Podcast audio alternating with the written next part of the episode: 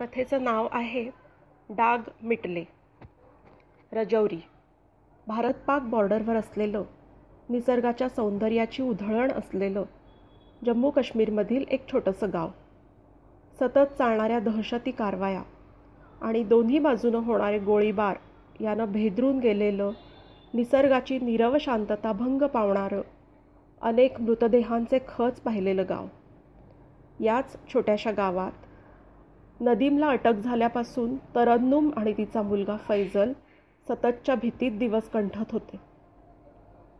फैजलचे अब्बू नदीम आणि अम्मी तरन्नुम या रजौरीतच जन्मलेले. नदीम एक मेंढपाळ होता. मेंढ्यांचं पालनपोषण करून त्यांच्यापासून मिळणारं दूध लोकर आणि गोश्त याच्यावर त्याच्या कुटुंबाची गुजराण चाले. सकाळी नाश्ता उरकून मेंढ्यांना टेकडीवरच्या हिरव्यागार कुरणांवर चरायला न्यायचं आणि दिवस मावळायच्या आधी परतायचं. हा नदीमचा रोजचा कार्यक्रम असे.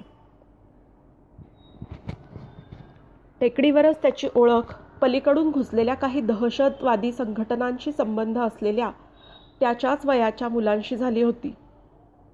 ये हमारा मुल्क है काफिरों का नहीं ये अल्लाह की जन्नत है. ये हरामियों ने इसे नरक बना दिया है। हमारा साथ दो। हम ये काफिरों को मिटाकर हमारी जन्नत वापस लेंगे। यही अल्लाह की मर्जी है। हे असे वेड्या वाकड्या विचारांचं विष त्यांनी नदीमच्या मेंदूत भिनवलं आणि नदीम त्या दहशतवादी संघटनेत सामील झाला. घरात हत्यारं स्फोटकं अशा वस्तू आणून लपवू लागला. तरन्नुम हाडाची देशभक्त. तिच्या भारत मातेचा अभिमान बाळगणारी. शिक्षण फार नव्हतं तरी हुशारी आणि देशप्रेम तिच्यामध्ये ओथंबून वाहत होतं. काही दिवसांपासून नदीमच्या वागण्यात झालेला बदल आणि वर माळ्यांवर तास माळ्यावर तासन तास काय करतो हा? तिला प्रश्न पडायला लागले होते. नदीमची सक्त ताकीद होती की माळ्यावर कोणीही जायचं नाही. एक दिवस सकाळी नदीम मेंढ्यांना घेऊन बाहेर पडला तशी तीही त्याच्या नकळत मागे मागे गेली. मेंढ्यांना कुरडात सोडून हा पलीकडच्या बाजूनं टेकडी उतरून जायला लागला. काही अंतर लांब गेल्यावर ही देखील लपत लपत त्याच्यामागे गेली. आणि तिने जे दृश्य पाहिले त्यानं ती पुरती हादरून गेली. आणि तिथंच या अल्लाह म्हणत मटकन खाली बसली. बंदुकीची काडतुसं बॉम्ब रायफल्स असं सगळं सामान त्या लोकांनी नदीमकडे सोपवलं. आणि मंगल के दिन काम तमाम करना है याद रखो हम ठीक छे बजे पोहोचेंगे।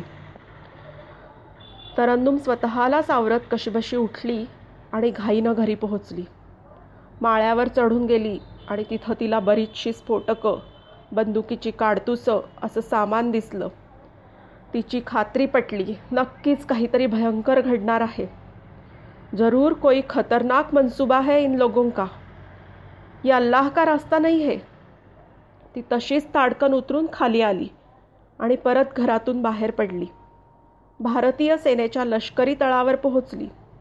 तिथे असलेल्या अधिकाऱ्यांना पाहिलेला प्रकार तिने सांगितला आणि घरात साठवलेलं दहशती सामान शस्त्रास्त्र याची माहिती तिनं दिली. लगेचच काही शिपाई आणि मेजर राणे तिच्या घरी पोहोचले. बराचसा शस्त्रास्त्र साठा आणि स्फोटकं त्यांनी ताब्यात घेतली. नदीम आणि टोळीला ताब्यात घेतलं गेलं. पतीपासून दुरावली गेल्याचं खूप दुःख तिला होत होतं. पण कितीतरी शेकडो जवानांचे गरीब गावकऱ्यांचे प्राण वाचवल्याचा तिला आनंद वाटत होता. तिच्या गावात या भारतभूमीवर पडणाऱ्या रक्ताच्या डागांना तिनं वाचवलं होतं. याचा तिला अभिमान वाटत होता. पण मनात सल कायम होता. आपण एका द्रे देशद्रोह्याची पत्नी आहोत. आणि आपला मुलगा देशद्रोह्याचा मुलगा. ती देशभक्तीचं बाळकडू तिच्या फैजलला लहानपणापासून पाजत राहिली. देशासाठी प्राणांची आहुती दे आहुती देणाऱ्या क्रांतिकारकांच्या सेनानींच्या कथा त्याला ऐकवत होती रोज. पुढे फैजलला तिनं शहरात पाठवलं शिक्षणासाठी. शिक्षण पूर्ण करून भारतीय सेनेचे प्रशिक्षण घेऊन आज फैजल ल रजौरीच्या लष्करी ठाण्यात रुजू झाला. बऱ्याच दहशती कारवाया फैजल आणि त्याच्या साथीदारांनी उधळून लावल्या. घुसखोरांशी लढताना जव जीवाची पर्वा न करणारा आपला मुलगा आणि सेनाप्रमुखांकडून होणारं त्याचं कौतुक पाहून तरन्नुमच्या मनाला शांती मिळाली. आणि देशद्रोह्याची पत्नी हा तिच्या मनातला डाग धुतला गेला. आणि ती तिची ओळख शूर सेनानीची माता ही झाली.